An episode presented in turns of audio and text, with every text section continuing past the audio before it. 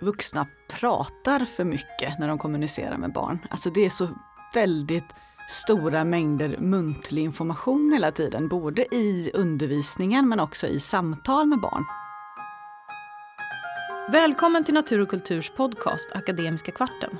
I den här podden ger vi dig en ungefärlig kvart med tongivande personer som har något viktigt att säga om svensk utbildning.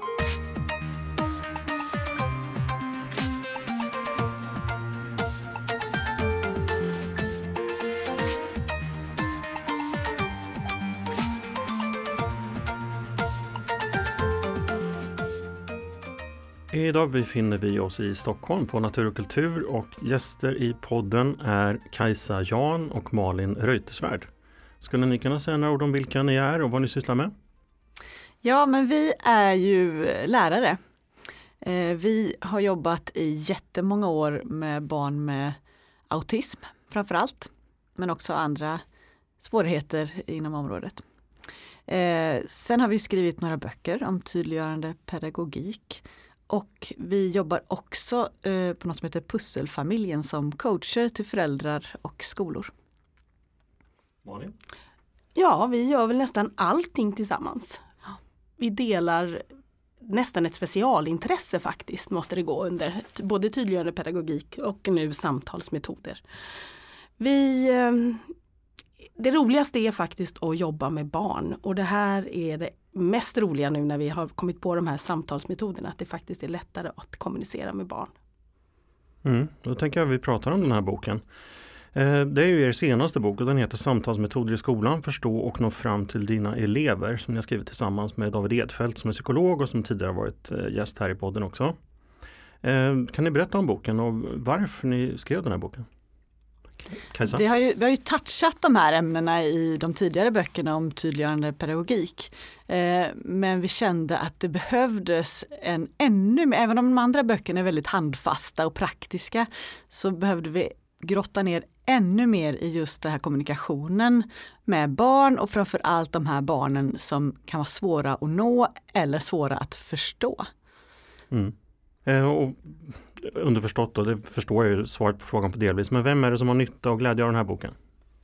Alla barn och alla vuxna som jobbar med barn. Att, eh, att nå barn på ett nytt sätt, både lekfullt sätt och användbart sätt i, i undervisning så kan man göra det lättare att barn ska förstå vad vi egentligen menar. Mm. Kan det vara så att det, här, det finns ju så mycket fördomar om hur man ska kommunicera med barn. Jag tänker sunt förnuft, det är väl sunt förnuft säger många. Kan det vara ett problem för er eh, när ni träffar föräldrar och barn? Det här med att det finns så mycket förutfattade meningar kring hur man ska göra.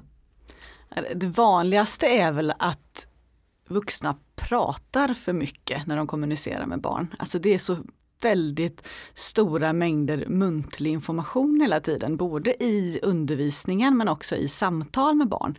Så det ska jag säga är det vanligaste, jag ska inte säga felet, men, men misstaget man ofta gör är att det är för mycket prat. Och vi brukar tänka också sådär, sila snacket är en ganska bra tanke. Eh, prata inte så mycket. Och vi använder ju oss alltid av penna och papper så fort vi pratar med barn. Oavsett om det är något vi ska lösa eller om det är något vi bara vill informera om. Mm. Eh, om Malin, du börjar. Eh, om du får välja varsin favoritmetod ur er bok Samtalsmetoder i skolan, om jag tvingar er att göra det.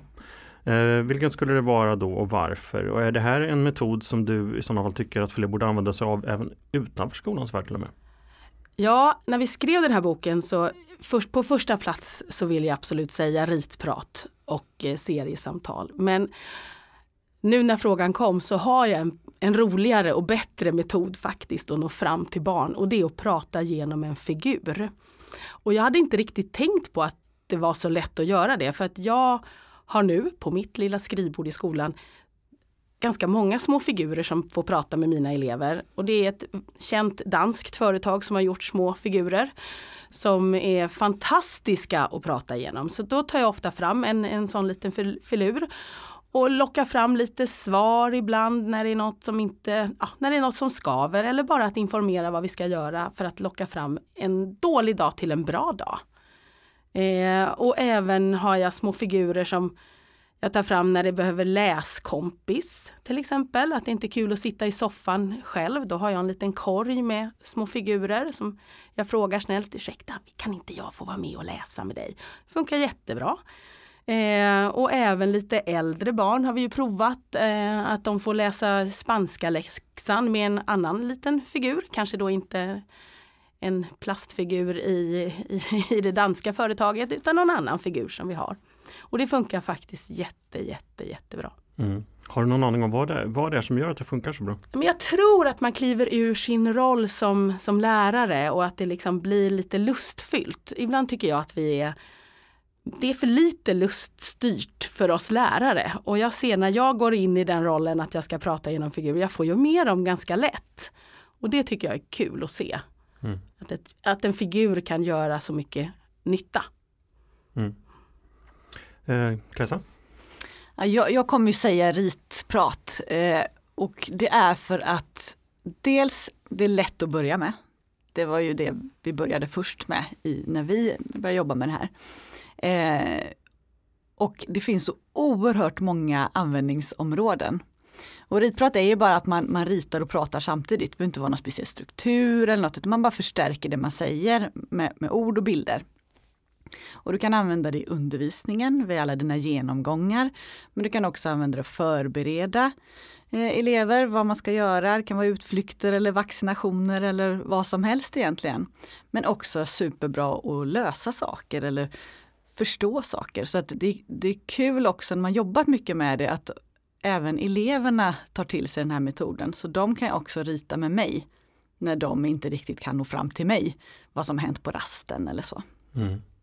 Det slår ju mig som lekman att det här är ju eh, väldigt likt det barn själva skulle vilja göra om de får göra vad de vill göra. Att eh, rita, att eh, leka med figurer, rollspela. Mm. Har du några tankar kring det? Men det här med rollspel är ju, vissa kan ju tycka att det är svårt men vi har ju också en metod som vi pratat om som heter berättande samtal. Och det är någonting som jag också brinner för, att det liksom blir lustfyllt. Man får verkligen färgstarkt gå in i sin roll och berätta saker som kanske inte alltid är sant. Utan bara för att locka upp till lite kreativitet, nyfikenhet och, och, ja, och få det lite mer lustfyllt i klassrummet tycker jag. Jag tänker också på det här att, att vi utgår ju från barns sätt att tänka och vara. Så det är därför också som, som man kopplar det här till det här, det är så här barn vill kommunicera. Istället för den här kanske mer traditionella synen på att de ska minsann lära sig eller vi ska lära dem att det är så här det funkar. Så utgå från vi hur barn tänker och använder mm. metoder som funkar. Mm. Det finns ju vissa tänkare som menar på att vi kväser barns kreativitet. När vi socialiserar dem genom förskola och skola. Är det någonting som ni kan hålla med om till något, till någon, i någon utsträckning? Eller? Ja men framför allt att vi ska utnyttja deras kreativitet och använda vår egen. Att man ska inte vara så låst i, i hur det är tänkt att vi ska göra utan vi gör vad som funkar och så gör vi lite till av det. Och det är väl lite där vi har verkligen fått pröva våra metoder, att man får vara kreativ. Jag tänker hur många gånger har vi inte kört in en liten, ett litet brev under toalettdörren när en elev har låst sig och låst in sig på toa. Och då tänker jag lite på det här med att man kan kommunicera med papper och under en, en dörr. Och så får man tillbaks ett litet svar och sådär. Alltså att kommunicera på den nivån där de, där de är. Och förutom det här då kreativa och lustfyllda i de här metoderna vi skriver om så handlar det ju mycket också om elevers kravkänslighet. Att till exempel att prata genom en figur, att det sänker kraven på kommunikationen. Utan du kan prata genom den här lilla, lilla figuren eller eh, lilla nallen eller någonting. Eh, det sänker kraven på eleven och det är lättare för dem att kommunicera då. Mm. Och jag tänker en, eh, en annan eh, eh, metod som ni ju också är väldigt eh, aktiva inom handlar delvis om hur man som vuxen ska bli bättre på att kommunicera med barnen. Så att från andra hållet och då tänker jag på tydliggörande pedagogik. Mm. Eh, David Edfeldt har ju varit gäst här tidigare i podden men det är kanske inte alla som lyssnat på det avsnittet. Eh, skulle ni kunna berätta vad, vad tydliggörande pedagogik, pedagogik är för någonting så att eh, lyssnarna förstår det? Ja, men grunden i tydliggörande pedagogik är ju att skapa förutsägbarhet och hanterbarhet för, för barn eller vuxna som behöver det. Och det utgår ju från några frågor som till exempel vad och varför och hur och med vem och var ska vi vara och vad händer sedan? Och då ska man svara på alla de här frågorna innan de är ställda. Mm. Och det gör vi visuellt. Och visuellt betyder inte bara bildstöd utan det betyder även skrivna ord, fotografier, eh, enkla teckningar. Så det här blev ju en, en förlängning i tydliggörande pedagogik eh, med många metoder som är i boken. Jag tänker även det här med påstående formulär och, och samtalskort och det är att hjälpa till och förstå också varför man ska samtala och, och lättare att göra det. Och det här med tydligare pedagogik, det, det, börjar bli mer och mer utbrett i skolorna för att det är ju nämligen inte skadligt för någon att få den här förutsägbarheten och hanterbarheten. Eh, att få veta i förväg vad som förväntas av en. Det är bra för alla. Men det är absolut nödvändigt för till exempel elever med autism och ADHD. Eh, där är det en nödvändighet men det är också bra för alla så det är därför det är så viktigt att, att nå ut till fler.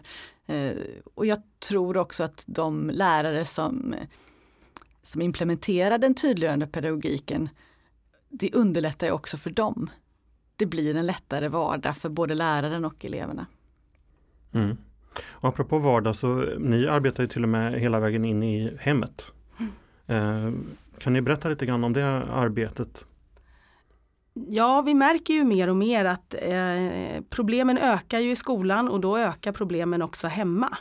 Och nu har vi då fått möjlighet att eh, kunna coacha hemma och i skolan. Så att vara hemma hos en familj och tydliggöra eh, vardagen där. Eh, vi har till exempel, eller jag har varit hemma hos en familj och satt upp schema för vi vet att schema funkar i skolan och då flyttar vi hem schemat hemma. Eh, och, eh, och även samtalsmetoderna här med föräldrarna att, att lära dem att man kan rita och förklara och, och visa vad som ska ske och sådär. Så det är jättespännande. Sen jobbar vi också mycket med att bygga broar mellan hem och skola för det, det blir ofta eh, lite konflikter mellan hem och skola och det är ju ingen som vill ha det utan man vill ju man har ju ett gemensamt mål och det är att det ska gå bra för det här specifika barnet. Det kan ju alla vara överens om. Det vill skolan, det vill föräldrarna. Men ibland är det svårt att nå varandra. Skolan talar sitt språk. Det är inte så lätt alltid för föräldrarna att förstå vad, är ett åtgärdsprogram eller vad är anpassningar och sådär. Eh, så att eh, vi är också med på en del möten med skola. Så att det är jättespännande att få följa ett barn och se ett barns hela vardag och kunna hjälpa till. Mm. Man pratar om att samhället har förpapprats eh, enligt Jonna Bornemark. Eh, att administrationen är så hiskelig i skolan och dokumentationen. Eh, är det här, från ert perspektiv, är det ett problem som har förvärrats? Ja, alltså jag kan väl själv känna som lärare att det är inte det roligaste med mitt jobb att sitta och skriva och dokumentera. Eh, och det är, har ju blivit lite så här i skolan att har du inte dokumenterat det så har du inte gjort det. Mm. Eh, och det är problematiskt för tiden räcker inte till. Eh, men det är ju också såklart viktigt att, att eh, man, man, håller på juridiken i skolan. Nej, det är ju roligare att jobba med barnen helt enkelt, det kan vi väl säga. Ja, ja eh, underbart är kort. Eh, vi har slut på tid. Eh, hoppas att samtalet har fortlöpt enligt någon form av begriplighet då, eftersom jag sitter, står här med två experter. Eh, Kajsa Johan och Malin Reuterswärd, tack så hemskt mycket för att ni kom till, till Akademiska kvarten. Tack så jättemycket. Tack.